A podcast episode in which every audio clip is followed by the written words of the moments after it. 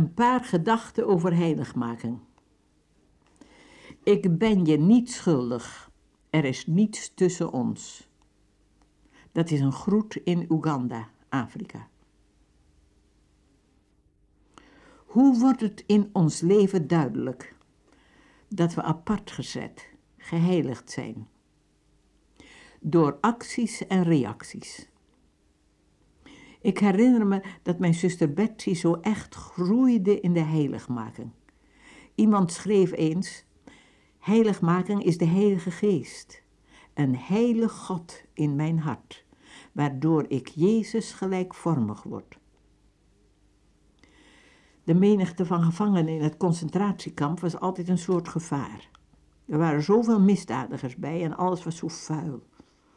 Als je door een dichte menigte ging, dan moest je altijd het ongedierte van je afslaan, dat er op je mantel was gekomen.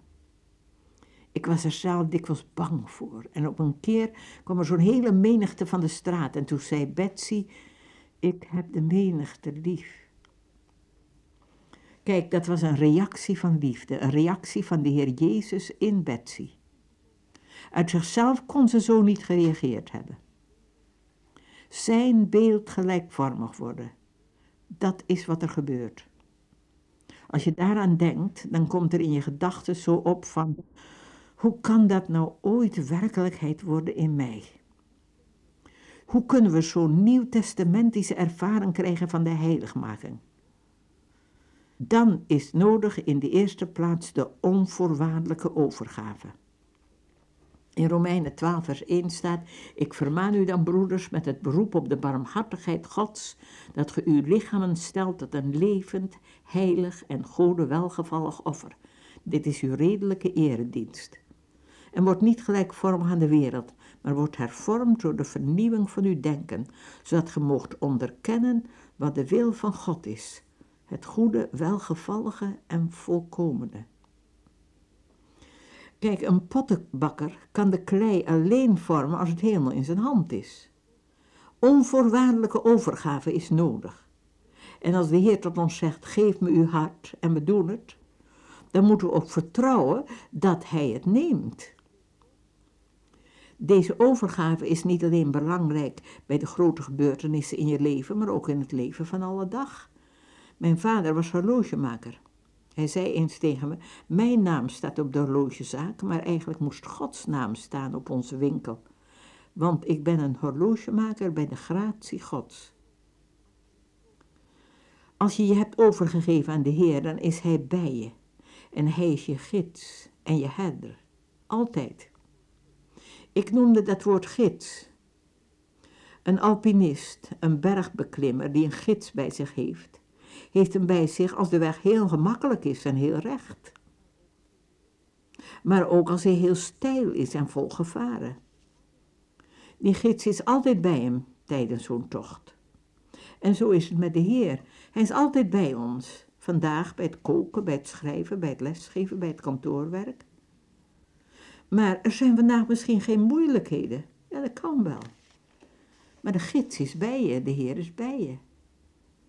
We weten dat wanneer er moeilijkheden komen, Hij ons niet in de steek laat. Dat weet ik uit ervaring. Ik heb de Heer Jezus aangenomen toen ik vijf jaar was en heeft me nooit in de steek gelaten. Er moet veel strijds gestreden zijn, zal het eindelijk eenmaal vrede zijn, maar we staan niet alleen in die strijd. De Heilige Geest kan het. En je geheime wapen is het contact met Jezus en de kracht van de Heilige Geest. Als het zwaar is, doe dan maar een beroep op Hem. God heiligt wat Hem overgegeven, wat Hem toegewijd is. We moeten ons aan Hem overgeven, toewijden. Dat is een werk van genade. God doet wat er nodig is voor het vormen. Anders gebeurt het nooit in me. En als je je overgeeft, wat God neemt, dat reinigt Hij. En wat Hij reinigt, ontledigt Hij. Dan, wat Hij ontledigt, vult Hij. En wat Hij vult, gebruikt Hij.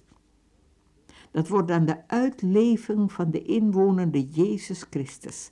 Het stopt niet bij de overgave, evenmin als het huwelijk stopt bij de huwelijksceremonie. Kijk, de heiligmaking kan je brengen tot een nieuw conflict. Daar moeten we voor oppassen. De duivel wil ons brengen in de energie van ons eigen zelf. Jezelf prediken, op jezelf zien, op je geloof zien, op je ervaring zien. En dan zegt de duivel, rust op die ervaring die je had. Maar dat is het niet. Je moet niet teruggrijpen naar die ervaring die je had. Dat kan je geloof wel versterken, maar heiligmaking is de uitleving van de inwonende Jezus Christus. Het wordt een soort proces van de dagelijkse overgave, een geloofsoefening, dagelijkse oefening in gehoorzaamheid. Een christen die in een compromis leeft van gedeeltelijke overgave heeft een echt moeilijk leven. Niemand kan twee heren dienen. Als u dit nu hoort, dan zegt u misschien, ja, ik zie het wel. Maar zo groot is mijn geloof niet. Maar dan moet je niet op je geloof zien, maar je moet op de Heer zien. Ik stond eens voor een hele primitieve brug in Nieuw-Zeeland. We waren in een auto, maar we durfden niet overheen te gaan. Eerst ging een van de mannen in onze auto het helemaal onderzoeken of die brug wel sterk genoeg was. En het bleek wel sterk genoeg te zijn, al was het primitief. We kwamen er goed overheen. Deze man onderzocht niet ons geloof in de brug, maar hij onderzocht de brug. We zijn zo dikwijls geneigd naar ons geloof te kijken en dan weten we, ons geloof is groot, sterk of het is zwak, klein. we moeten niet ons geloof onderzoeken, we moeten de brug onderzoeken. We moeten niet zien op onszelf, maar op Hem. En als we op Jezus zien, dan weten we dat Hij sterk is. De Heilige Geest zal je niet in de steek laten. Zijn vrede zal regeren in je hart. De heiligmaking is een besluit. De Heer heeft je apart gezet voor zijn dienst. Het is een opgaande lijn. Je bent niet meteen als je een berg beklimt op de top van de Mount Everest.